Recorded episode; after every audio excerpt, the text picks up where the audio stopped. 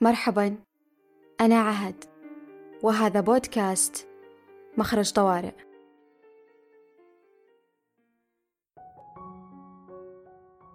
التركيز. أعتبر هذه الكلمة تحدي وأعتبرها سمة تميز من اتصف بها. هي نقطة قوة بلا شك وأجزم أنها هي نقطة الاختلاف الكبرى بين من وصل ومن لم يصل. تركيز هل هي قوية الوقع فعلا على أسماعنا أم أني أنا فقط من أعطاها هذه الهالة والتقدير؟ لأني اعتبرتها نقطة قوة وسمة مهمة كان تحدي بالنسبة لي أن أركز خصوصا في هذا العصر الزاخر بالمشتتات. الجملة السابقة عزيزي المستمع عزيزتي المستمعة قد تجعلك تتصورني أتحدث من صومعتي التي أتحنث فيها. وقد غطى الشيب رأسي وأعيش على الماء فقط. مع كل التقدير لمن كان هذا اختياره إلا أني أحدثك من عصرك وأنا شخص مثلك يملك حسابات على وسائل التواصل ويهتم بأناقته وما يدخل إلى جوفه. عصر هيمنة وسائل التواصل والتدوين. عصر شهوة العلم والمحتوى الزاخر والنصيحة والحقيقة والإلهام على قفا من يشيل.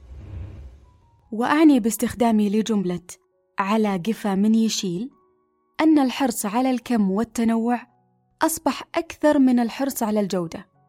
والعتب هنا على الحمالي أو الشيال الذي يحمل ما يجد بغض النظر عن محتوى حمولته وليس على صاحب البضاعة.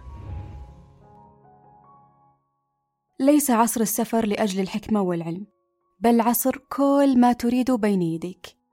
أعتقد أني ملزمة أن أبين أيضا أني لست ساخطة على هذا العصر. أنا فقط اتخذت منهج آخر. أغلقت فيه حواسي كلها عن زحام المحتوى الذي يرتدي ثوب الإلهام.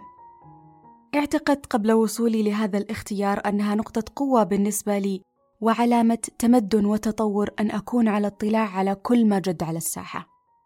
اعتقدت أن إحساسي بالتعب من المتابعة المستمرة والضغط من بقائي في مكان واحد. أتنقل فيه من tutorial فلان إلى vlog فلان إلى إلى إلى. يدل على خلل فيني. لماذا لست مثل الجميع؟ لماذا أنا آخر من يعلم؟ وأين لي بالوقت الذي يجعلني أبقى على اطلاع؟ وفي نفس الوقت أستمر بالتقدم نحو أحلامي والتي عزت علي كثيرا. كونها في بعض الأحيان تتطلب مني جهد. يا لروعة اللغة التي اختصرت تعبي والتزامي. وحماسي ومحاولاتي في ثلاثة أحرف. جهد.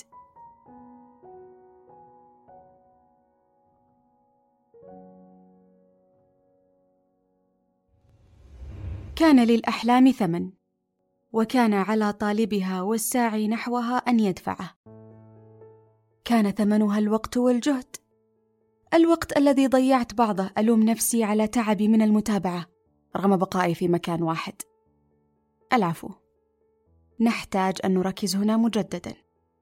لعل سردي ومحاولاتي لتهذيب كلماتي شتتتكم قليلا. أحاول أن أكون موضوعية لأنقل لك الصورة شاملة. لا تخفى عليك حقيقة عصرك وزحامه وربما لا يخفى عليك ما سأقوله الآن وهو أن لديك الخيار. لديك الخيار للمتابعة والتنقل من محتوى لآخر ولديك الخيار لإلغاء ذلك بشكل جزئي أو كامل. ولديك خيار أن تنتقي محتواك ولديك خيارات لا منتهية أيضا. أنا أعطي الأولوية هنا لحلمي وأغلق حواسي انطلاقا من قناعة لدي بأن ما هو لي سيصل لي. حتى الحكمة والرسالة التي أحتاج أن أتعلمها ستصل إلي في وقتها.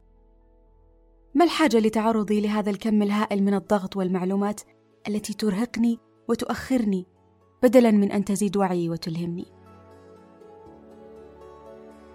أنا من الناس التي اختارت أن تنتقي ما يدخل إلى دائرتها الصغيرة وعالمها ويصل إلى حواسها. أنا من الناس التي ستكون فخورة أنها آخر من يعلم. في وقت الجميع فيه هو أول من يعلم. ما دام العلم الذي تم تناقله خارج نطاق أولوياتي وبعيد عن أحلامي. أنا من الناس التي تلقت حتى فاضت. ولذلك قررت أن تنتقي ما تتلقاه ليلائم ما تنتجه. والملائمة هنا ليست بالكمية بل بالنوع. هل ما أتلقاه يدعم إنتاجي؟ اختياري لم يكن وليد اللحظة. أتذكر أني بعد تخرجي وحملي لوثيقة البكالوريوس كنت كمن خرج لتوه من سجن يحاول جاهدا أن يلاحق ملذات الحياة ومتعها. ومن طفولتي أنا شخص يقال عنه ثليم فكان جزء من ترفيهي لنفسي بل في الحقيقة كل رفاهيتي بعد التخرج كانت في أن أستيقظ كل صباح. أحضر فطوري وأجلس على سريري لأزيد الترف ترفا وأتابع من ثلاث إلى خمس مسلسلات في وقت واحد.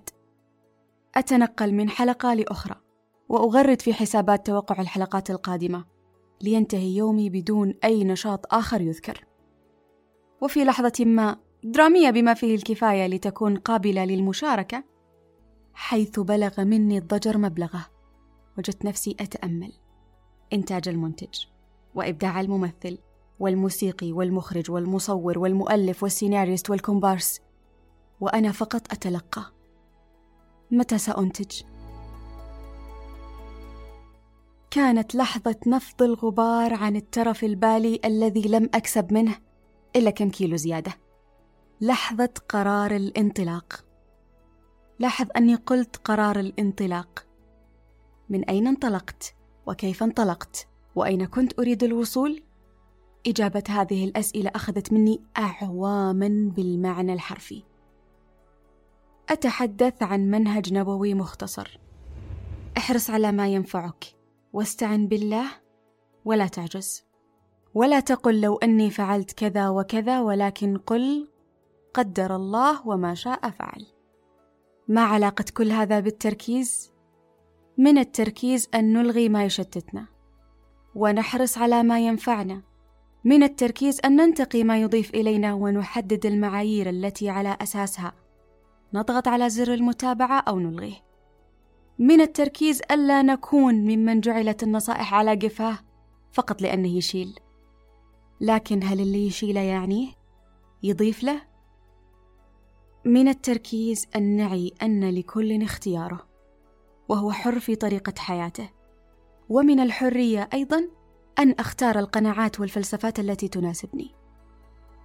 ما صح صح لأن من رآه اختار أن يراه صح.